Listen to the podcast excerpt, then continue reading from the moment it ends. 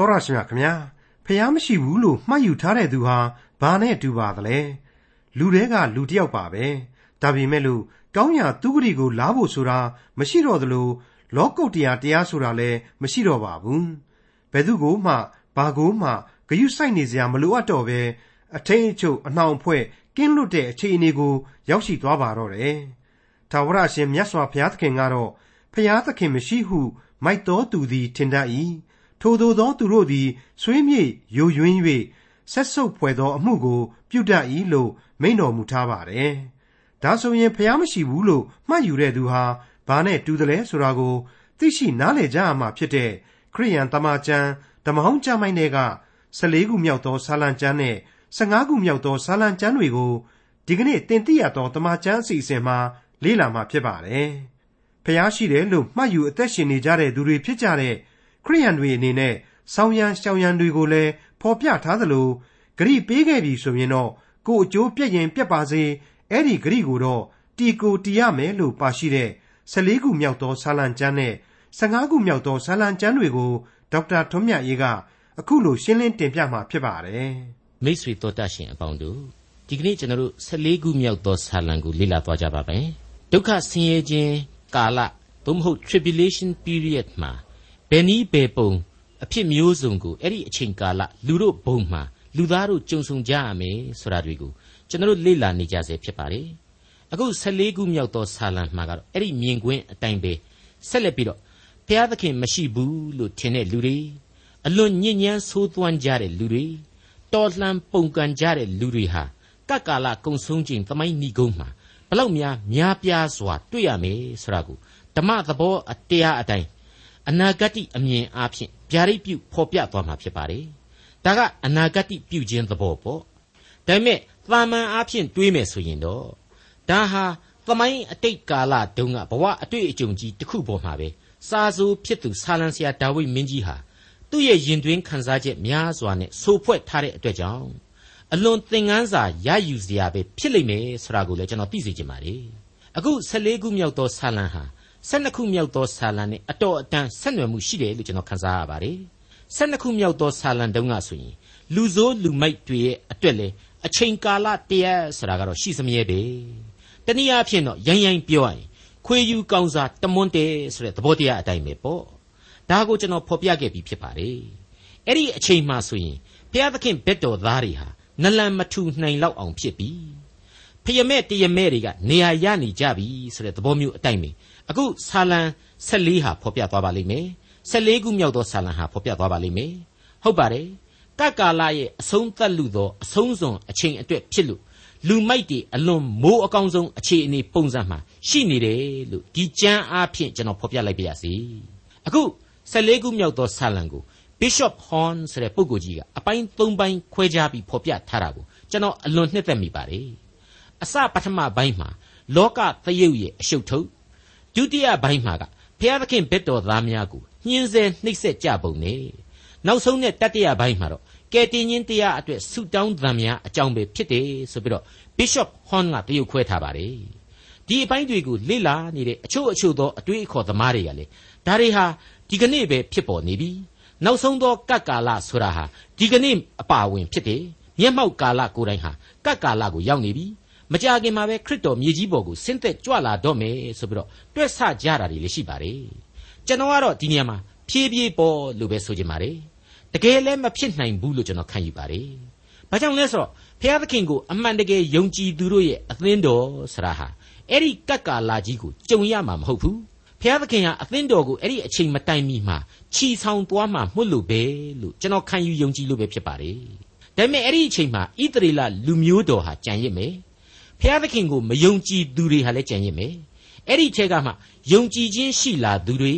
ဖျားသခင်ဘက်ကိုပြောင်းလဲယက်တီလာတဲ့ဣသရေလတစိတ်တပိုင်းတို့ရေကိုတော့ဖျားသခင်ရဲ့ဘက်တော်သားများ godly people လို့ကျွန်တော်တို့ကဆိုခြင်းပြီးတော့ကြံတဲ့အတိုင်းအဝိုင်းတစ်ခုလုံးကိုတော့ဖျားသခင်ကိုဆန့်ကျင်သောအတိုင်းအဝိုင်း ungodly people လို့ပေါင်းယုံသတ်မှတ်သွားရမှာဖြစ်ပါတယ်တနည်းအားဖြင့်ဆိုရင်တော့ tribulation period လို့ဆိုတဲ့ ဒုက္ခခံစားရကပ်ကာလမှာဖြစ်ရမယ်ကြောက်မဲ့ဖွယ်ဒုက္ခအဖြစ်ဆိုးကြီးတွေဟာအလွန်သိသာထင်ရှားတဲ့အပြောင်းလဲကြီးတွေနဲ့သာဟောဟောဒိုင်းဒိုင်းဖြစ်လာမှာပဲလို့ကျွန်တော်တို့ယုံကြည်ပါတယ်အခုအချိန်ကာလကိုအဲ့ဒီလိုကတ်ကာလကြီးပဲကဘာကြီးပျက်စီးကနီးနေပြီဆိုတဲ့အစွဲအလန့်တွေကိုကျွန်တော်မယုံကြည်ပါဘူးဘယ်အချိန်ဘယ်ကာလမှာဖြစ်လာမှာလဲလို့မေးမယ်ဆိုရင်လည်းကျွန်တော်မဖြေတတ်ပါဘူးဒါကြောင့်မလို့ဖြည်းဖြည်းပဲဖြစ်စီခြင်းပါတယ်တစ်ချိန်တည်းမှာလူသားအလုံးတို့ဟာလေ ကိုမသိတဲ့အဲ့ဒီအချိန်ကပ်ကာလအတွက်ခရစ်တော်၌ယုံကြည်ခြင်းဆုတောင်းခြင်းအားဖြင့်သာလျှင်ဘုရားသခင်ကိုပုံအပ်နှင်းပြီးတော့စောင့်နေတတ်တယ်လို့ပဲကျွန်တော်ဒီနေရာမှာပြောချင်ပါတယ် Bishop Horney ရဲ့တရုတ်ခွဲကလေးအတိုင်းပဲဒီကျမ်းကိုကျွန်တော်တင်ပြသွားခြင်းပါတယ်ဒါကြောင့်လောကသရုပ်အရှုပ်ထုံးဆိုပြီးတော့စတင်လေ့လာကြည့်ကြပါစို့14ခုမြောက်သောဆာလံအငယ်1ဖျားသခင်မရှိဟုမိုက်သောသူသည်ထင်တတ်၏ ထိုသောသောသူတို့သည်ဆွေးမြေ့ယိုယွင်း၍ဆက်ဆုပ်ဖွယ်သောအမှုကိုပြုတတ်ကြ၏ကောင်းသောအမှုကိုပြုသောသူတယောက်မျှမရှိမိုက်သောသူဆိုတာကိုအင်္ဂလိပ်က fool ဆိုပြီးတော့ဖော်ပြပါတယ်ဟေဘရဲဘာသာအဖြစ်ကတော့ nibble သို့မဟုတ်နာဗလဖြစ်ပါတယ်အဲ့ဒီနာဗလဆိုတဲ့လူမိုက်တယောက်ရဲ့အကြောင်းကိုဓမ္မရာဆိုရင်ပထမစာဆောင်အခန်းကြီး25မှာတော့ကျွန်တော်တို့တွေ့ကြရပြီဖြစ်ပါတယ်သူမိမကတော့အင်မတန်ပုံမြင်ယဉ်ကျေးပြီးတော့သိမ်မွေ့လှပတဲ့မိန်းကလေးပဲ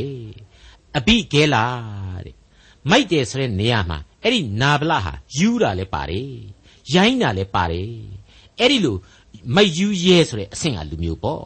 အဲ့ဒီတုန်းကတောဘုံကြီးတယောက်ဖြစ်နေတဲ့ဒါဝိဒ်ကနေပြီးတော့တလေးတစားနဲ့တထေးကြီးနာဗလခမညာကျွန်တော်တို့တောဘုံတွေမှာတထေးမင်းတို့ကိုမနှောက်ယှက်တဲ့အပြင်အမြဲတမ်းတထေးမင်းတို့ပိုင်ဆိုင်မှုတွေကိုတောထဲကနေပြီးတော့အကွယ်အကာပေးနေတဲ့သူတွေဖြစ်ပါတယ် အခုကျွန်တော်တို့အခက်အခဲတွေများစွာရှိနေတဲ့အတွက်ကြောင့်နင်းနေပပအလှခံနေပါတယ်ခမညာဒါကြောင့်မို့လို့သရတအားသွေးကုညီပါမင်္ဂလာပါခမညာဆိုပြီးတော့လေးလေးဆဆမေတ္တာရက်ခံခဲ့တယ်သိမ့်သိမ့်မွေ့မွေ့တောင်းပန်ခဲ့တယ်အဲ့ဒါကို तू ကဘယ်ကဒါဝိတ်လဲဟိုသဘုံထနေတဲ့ကောင်မဟုတ်လားသွားဘာမှမပေးဘူးပြောလိုက်ဆိုပြီးတော့ငေါက်ပြီးလွတ်ခဲ့တယ်ချော့ကမှမြောက်ပြီးတော့ကျိန်လာမောင်းလာတွေလုတ်ခဲ့တယ်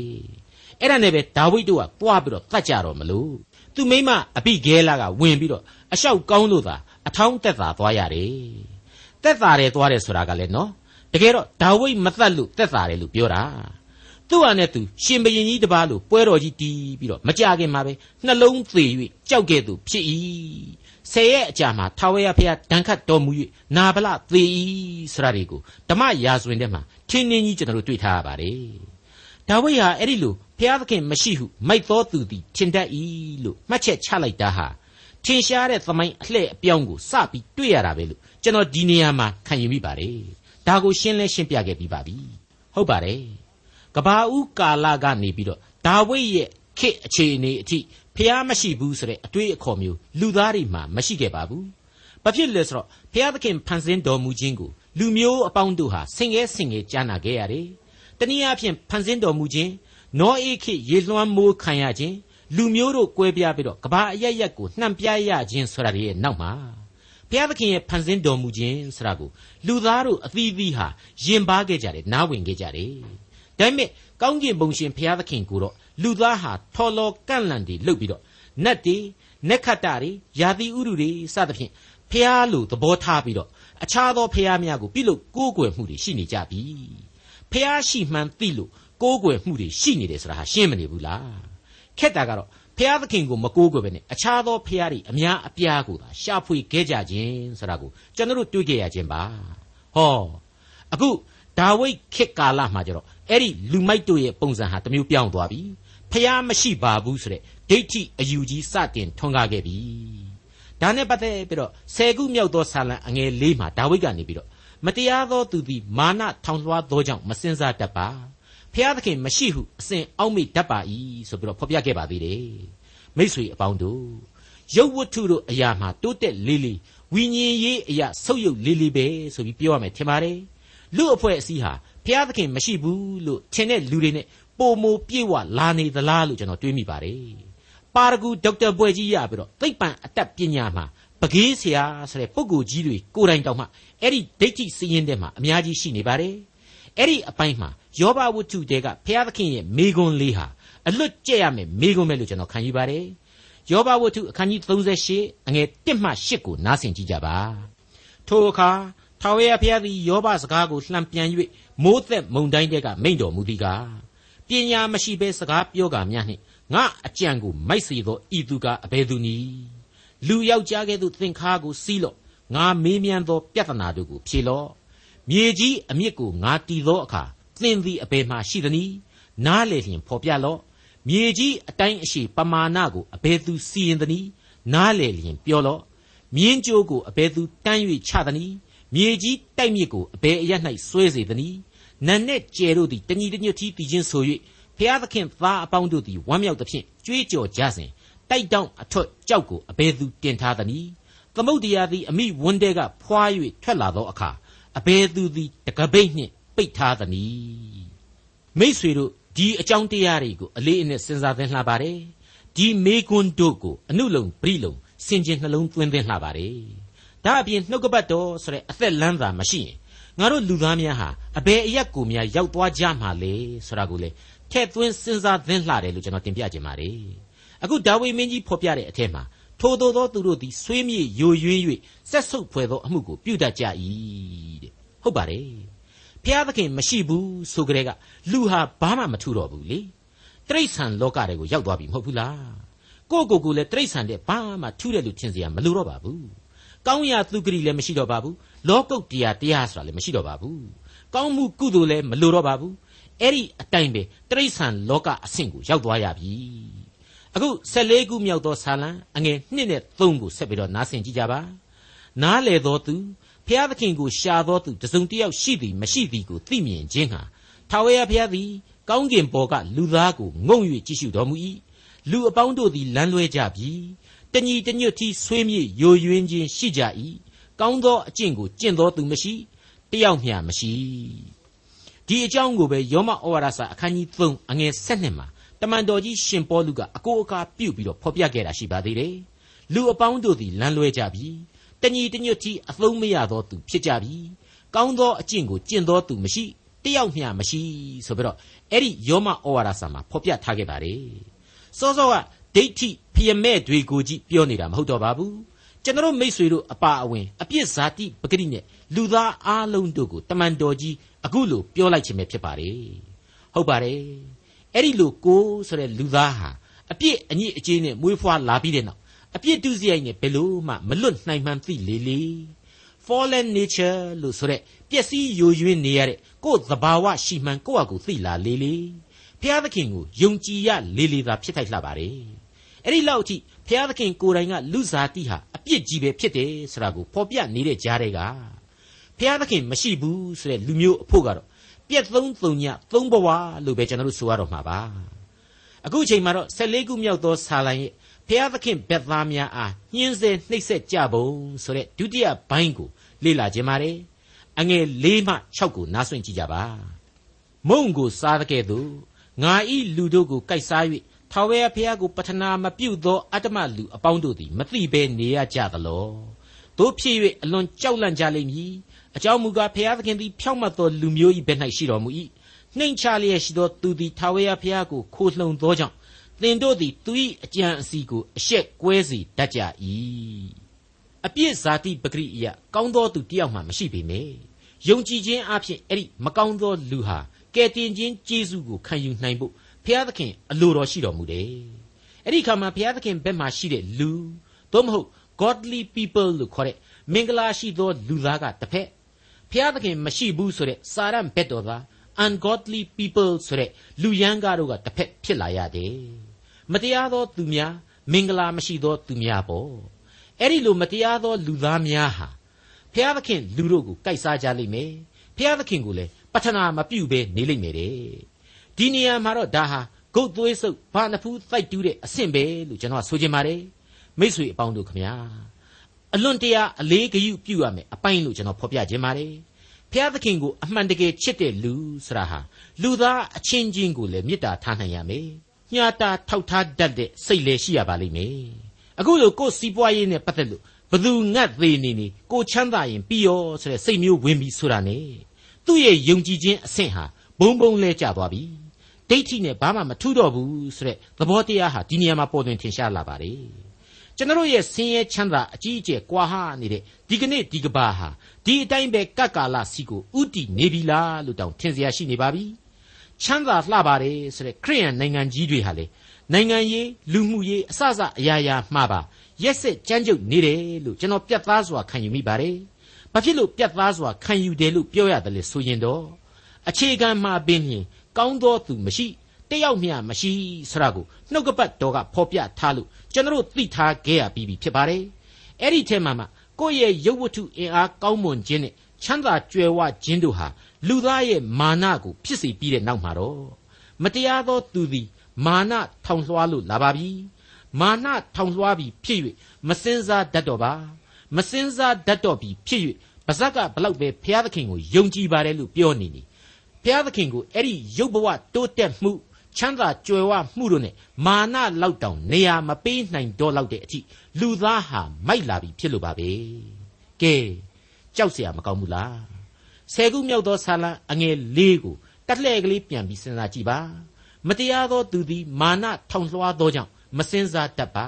ဖျားသခင်မရှိဟုအစဉ်အောက်မိတတ်ပါ၏တဲ့မိษွေအပေါင်းတို့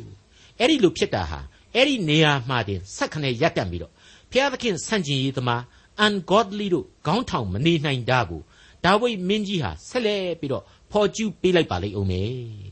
ဖြောင့်မတ်သောသူဟာနှိမ့်ချလျက် ဖျားသခင်ကိုကိုးစားခိုလုံနေဒီတော့ဖျားသခင်ဟာဖြောင့်မတ်သောသူတို့ဘက်ကယက်တည်နေတယ်ဒါကြောင့်မလို့လူမိုက်တို့ဟာဏီကုန်းမှာတော့အရှုံးနဲ့သာရင်ဆိုင်ရမယ်ဆိုတဲ့အချက်ပေါ်ထွန်းခဲ့ခြင်းပဲဖြစ်ပါတယ်ကယ်တင်ရှင်သခင်ခရစ်တော်ကိုယ်တိုင်လူဘဝကိုခံစဉ်တုန်းကပုံပြင်ဥပမာတစ်ခုနဲ့အခုလိုသွန်သင်ခဲ့ပါတယ်ဆင်းရဲသားနဲ့ဘာနဖူးကိုတိုက်တူးတဲ့တထေးတယောက်တို့ရဲ့မြင်ကွင်းပဲဖြစ်ပါတယ်ရှင်လုကာခရစ်ဝင်ကျမ်းအခန်းကြီး16အငယ်16မှ24အတွင်းကိုကြည့်ကြပါ တဖန်တုံတထေးတယောက်သည်ညီမောင်းသောကံပလာနှင့်ပိတ်ချောကိုဝတ်ဆင်၍ကာမဂုံစည်းစိမ်၌နေတိုင်းပျော်မွေ့လျက်နေ၏လာဇရုအမည်ရှိသောသူဆင်းရဲတယောက်သည်တကိုယ်လုံး၌အနှစိမ့်ပေါက်၍တထေးဤစပွဲမှကြသောစနုပ်စပေါက်ကိုစားပါရစေဟုတောင့်တသောစိတ်နှင့်တထေးအိမ်တကားနာမှတုံးလုံးနေ၏ခွေးတို့သည်လာ၍အနှစိမ့်များကိုရက်ကြ၏တနေ့၌ထိုဆင်းရဲသားသည်သေလွန်၍ကောင်းကင်တမန်တို့သည် အာဗြဟံ၏ရင်ခွင်သို့ပို့ဆောင်ကြ၏တထေးသည်လည်းသေလွန်၍သင်ကြိုခြင်းကိုခံရလေ၏မရဏနိုင်ငံ၌ပြင်းပြစွာသောဝေဒနာကိုခံရလျက်မျှော်ကြည့်၍အာဗြဟံကို၎င်းအာဗြဟံ၏ရင်ခွင်၌လာဇရုကို၎င်းအဝေးကမြင်လျင်အိုအဖအာဗြဟံအကျွန်ုပ်ကိုကယ်မသနာတော်မူပါအကျွန်ုပ်သည်ဤမီလီယံ၌ပြင်းစွာခံရသောကြောင့်လာဇရုသည်မိမိလက်ဖျားကိုရေ၌နှိပ်၍အကျွန်ုပ်ရှာကိုအေးစေခြင်းဟာ သူ့ကိုအကျွန်ုပ်ရှိရာသို့ဆေလွတ်တော်မူပါဟုဟစ်ကြော်လေ၏အာဗြဟံကလည်းငါသာသင်သည်အသက်ရှင်စဉ်အခါချမ်းသာရသည်ကို၎င်းလာဇရုသည်ဆင်းရဲစွာနေရသည်ကို၎င်းအောက်မေ့လောယခုမူကားသူသည်သက်သာခြင်းရှိ၏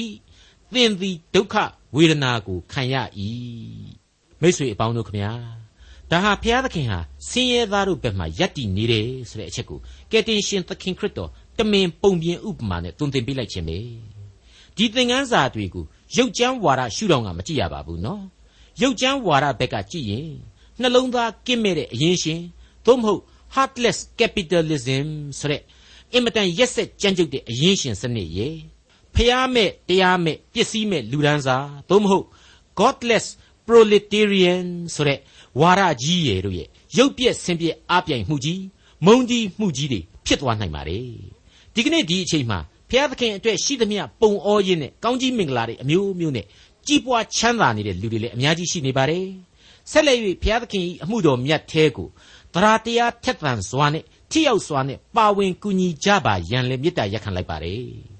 အခု14ခုမြောက်သောဆာလံရဲ့ဏိဂုံးပိုင်းကတော့ Bishop Horn ဖော်ပြတဲ့အတိုင်းဆိုရင်ကယ်တင်ခြင်းတရားအတွက်ဆုတောင်းသံများကြားရမယ်အပိုင်းပဲဖြစ်ပါတယ်အငယ်ခုနှစ် ဣသရေလအမျိုးကိုကယ်တင်ခြင်းကျေးဇူးတော်သည်ဇီးအုံတောင်ပေါ်မှပေါ်ထွန်းပါစေသောသိမ့်သွားခြင်းကိုခံရသောလူမျိုးတော်ကိုတဖန်ထာဝရဘုရားသည်ဆောင်ခဲ့တော်မူသောအခါယာကုပ်သည်ဝမ်းမြောက်ခြင်းဣသရေလသည်လည်းရှင်လန်းခြင်းရှိလိမ့်မည်ဒီအပိုင်းဟာမိษွေတို့အခုကြားရတဲ့အတိုင်းဣသရေလလူမျိုးတော်အတွက်သီးသန့်ဗျာဒိတ်တော်ပဲဖြစ်ပါတယ်အနာဂတ်တွေပဲဖြစ်ပါတယ် ဘုရားသခင်ဟာဒီလူမျိုးတော်ကိုရွေးကောက်တော်မူသောလူမျိုးတော်လို့သတ်မှတ်ထားပြီးဖြစ်ပါတယ်ကျွန်တော်ဘယ်လို့မှမငြင်းနိုင်ပါဘူးဒီလူမျိုးတော်အဖြစ်ဘင်းဖြင့်ကမ္ဘာလူမျိုးများအားလုံးကိုလည်းကောင်းကြီးပေးမယ်ဆိုတဲ့သစ္စာတော်ဟာလေသတ်မှတ်ပြီးသားဖြစ်တဲ့အတွေ့ဘ ဘာမှတန်တရားထားเสียမလိုပဲအကျွင်းမဲ့ကျွန်တော်တို့လက်ခံယုံမျှတာရှိသောတစ္ဆာတရားများပဲဖြစ်တယ်လို့ကျွန်တော်ဆိုချင်ပါတယ်ဒီချိန်ထဲမှာကျွန်တော်တို့အားလုံးဟာတူးချင်းရယူနိုင်တဲ့ဘုရားသခင်ပေးတဲ့ကယ်တင်ခြင်းကျေးဇူးတော်ကို အစဉ်တစိုက်လက်ခံကြဖို့သာအဓိကလိုအပ်လာတဲ့အကြောင်းတင်ပြလိုက်ပါရစေဣသရေလလူမျိုးတော်ရဲ့အတိတ်နဲ့ပြစ္ဆုတ်ပံသမိုင်းဖြစ်ရအပေါင်းတို့ဟာဘုရားသခင်ရဲ့လူမျိုးတော်အဖြစ်ဒုက္ခဒုက္ခတွေကြားထဲမှာအမျိုးမျိုးထင်ရှားပြတ်သားစွာသောတက်သေးများဆောင်ယူခဲ့ပြီးပြီလို့ကျွန်တော်ဆိုချင်ပါတယ်အခုဖော်ပြတဲ့ဗျာဒိတ်တော်ဟာဘယ်လို့မှတွက်ဆလို့မရတဲ့အနာဂတ်ကပ်ကာလနဲ့သက်ဆိုင်နေပါတယ်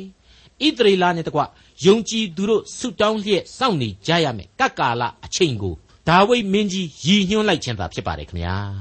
မိษွေအပေါင်းတို့ကျွန်တော်အစပိုင်းမှာဖော်ပြခဲ့တဲ့အတိုင်းပဲကပ်ကာလကြီးရဲ့အဆုံးသတ်လူသောအဆုံးစွန်အချိန်အတွက်မြေပေါ်မှာရှင်သန်နေစေဘုရားသခင်လူသားတွေဘယ်လိုဒုက္ခများနဲ့ရင်ဆိုင်ရမယ်စာရမဏတ်ရဲ့ဘက်တော်သားတွေဟာဘလောက်အထိလူကောင်းသူကောင်းတွေအပေါ်မှာနိုင်စားကြမယ်ဆိုတာကိုကျွန်တော်တို့ကအခုကြားနာခဲ့ရတဲ့14ခုမြောက်သောဆာလံမှာတွေ့မြင်ခဲ့ကြပြီးပါပြီအခုအချိန်မှာတော့အဲ့ဒီဆာလံ14ရဲ့ 14ခုမြောက်သောဆာလံနဲ့ဆက်ဆက်နေတဲ့15ခုမြောက်သောဆာလံကိုဆက်လက်လေ့လာဖို့ရှိပါတယ်ဟုတ်ပါတယ်ကကာလရဲ့အဆုံးသတ်ဒုက္ခဆင်းရဲခြင်းတွေရဲ့နောက်မှာကောင်းကင်နိုင်ငံတော်ကိုဘသူတွေဝင်ရောက်ပြီးတော့အနန္တတကုရှင်ဘုရားသခင်ရဲ့အထံတော်ကိုဘသူတွေဝင်ရောက်ခွင့်ရကြမယ်ဆိုတဲ့အကြောင်းကိုအခုအခန်းကြီး15ဟာဖော်ပြသွားမှာဖြစ်တယ်ဆိုတာကိုကြိုတင်ပြီးတော့ကျွန်တော်တင်ပြလိုပါတယ်15ခုမြောက်သောဆာလံအငယ်1အိုးထာဝရဘုရားတဲတော်၌အဘယ်သူသည်တဲရပါမည်နည်း တန်ရှင်းသောတောင်တော်ပေါ်မှာအဘယ်သူသည် နေရပါမည်နည်းဟုမူကားတဲတော်ဆရာဟာအဖဖျားသခင်ကျင်းဝတ်တော်မူရာအိမ်တော်ဖြစ်တယ်ဆိုတာကိုမောရှိခေတ်မှာကလေးကဖျားသခင်ကိုတော်တိုင်သတ်မှတ်ပေးခဲ့တာကိုကျွန်တော်တို့သိထားပါတယ်အမှန်တကယ်ကောင်းကင်ဘုံကတဲတော်ဆိုတာကိုတော့ဘယ်လူသားမှအတိအကျပုံမဖော်နိုင်ပါဘူးယုံကြည်ခြင်းရှိသူအပေါင်းတို့အဖို့ကိုယ့်အတွက်ဘုရားသခင်နဲ့ဆုံတွေ့ရအရက်ပဲလို့ဆိုချင်ပါတယ် အခုအချိန်မှဆိုရင်တော့ကတ်ကာလဟာကုံဆုံးလွန်မြောက်သွားပြီမို့ဘုရားသခင်ဘက်တော်သားတွေဟာမြေပေါ်မှာတိဆောက်မဲ့ကောင်းကင်နိုင်ငံတော်ကိုဝင်ရောက်ဖို့ဥတီနေပြီဖြစ်ပါတယ်။တန်ရှင်းသောတောင်တော်ဆိုတာကတော့ယေရုရှလင်မြို့နာကဇီးအုံတောင်ဖြစ်ပါတယ်။ဒီတောင်တော်ဟာဒါဝိဒ်ရဲ့ဝိညာဉ်ဆွဲလန်းရာအရာဖြစ်တယ်လို့ဣသရေလတို့အဖို့ဘုရားသခင်ကျိန်းဝတ်တော်မူတယ်ဆိုတဲ့အရာပါ။တက္ကာလကုံဆုံးပြီလို့ကောင်းကင်နိုင်ငံတော်မြေပေါ်မှာတည်ချိန်မှာခရစ်တော်ဘုရားသခင်စီမှာ လူသားတို့ခိုးလှုံရာအရာဖြစ်လာရပါလိမ့်မယ်မိတ်ဆွေအပေါင်းတို့ခရစ်တော်ရဲ့ရှေ့ပြေးစေတမန်ကြီးဖြစ်တဲ့ဗတ္တိဇံဆရာယောဟန်ကနေပြီးတော့ကောင်းကင်နိုင်ငံတော်တည်လူနီးပြီနောင်တရကြလော့ဆိုပြီးတော့ခရစ်တော်အတွက်လမ်းကိုပြင်ဆင်ရင်းနဲ့ဟစ်ကြွေးခဲ့ပါတယ်ကြေညာခဲ့ပါတယ်အဲ့ဒါဟာကက္ကာလကုံဆုံးပြီးမှတည်ထောင်မဲ့ကောင်းကင်နိုင်ငံတော်ကိုကြီးဆိုလိုတာမဟုတ်ပါဘူးဖျားသခင်ကိုချစ်မြတ်နိုးတော်သူခရစ်တော်ကိုယုံကြည်စိတ်ကပ်ကိုးကွယ်သူတိုင်းအဖို့ သူရှင်သန်ရာအချိန်ကာလမှာပင်လျင်ကောင်းကင်နိုင်ငံတော်ရဲ့အရေးအငွေ့များကိုထိတွေ့သွားရမှာဖြစ်တာကိုနားလေသဘောပေါက်စေသလိုဒီလူသားဟာခန္ဓာကိုယ်သေပြီဆိုတာနဲ့တပြိုင်နက်ဘုရားသခင်ပြင်ဆင်ပေးတဲ့ကောင်းကင်နိုင်ငံတော်ကိုဘုန်းတော်ဝင်စားရမှာကိုဖော်ပြလိုက်ခြင်းပဲဖြစ်ပါတယ်။15ခုမြောက်သောဆာလံအငယ်1မှ9ဒီအပိုင်းကိုအငယ်1မှ9ဆိုပြီးမြဲအငယ်1ကိုပါထည့်သွင်းဖတ်မှအတိတ်ပဲရှိမှာဖြစ်တဲ့အတွက်ကြောင့် ကျမ်းတစ်ခုလုံးကိုကျွန်တော်ဖတ်ပြပါရစေ။အိုးထာဝရဘုရားတဲတော်၌အဘယ်သူသည်တဲရပါမည်နည်းတန်ရှင်းသောတောင်တော်ပေါ်မှအဘယ်သူသည်နေရပါမည်နည်းဟုမူကားဖြောင့်မတ်သောအကျင့်တရားသောအမှုကိုပြုကျင့်၍တစ္ဆာစကားကိုစိတ်နှလုံးပါလျက်ပြောထသောသူတစ်ပါး၏အသရေကိုပြက်စေခြင်းကပြောဆိုခြင်းကိုနှင့်ဆက်ဆိုင်သောသူ၏အကျိုးကိုပြစ်မှားခြင်းကိုနှင့်ဆက်ဆိုင်သောသူကိုလည်းကဲ့ရဲ့ခြင်းကိုရှောင်ထသောဆိုးရုပ်သောသူကိုအယုတ်ဟု၍ထင်မှတ်လျက် ထာဝရဘုရားအားကြောက်ရွံ့သောသူကိုယိုသေးထသောကိုအကျိုးပြည့်ရသောလေကိုကျိန်ဆိုသောတစ္ဆာဂရိကိုမဖြက်ကိုငွေကိုချေး၍အတိုးမယူအပြစ်မရှိသောသူ၏တစ်ဖက်မှတစိုးကိုမခံဘဲကျင့်သောသူသည်လှုပ်ရှားခြင်းနှင့်အစဉ်အမြဲကင်းလွတ်လိမ့်သည်ဖြောင့်မတ်တဲ့လူသစ္စာစောင့်တဲ့လူတရားမျှတတဲ့လူအမှန်တရားဘက်ကယက်တည်တဲ့လူသူတစ်ပါးအကျိုးကိုရှေ့ရှုတဲ့လူ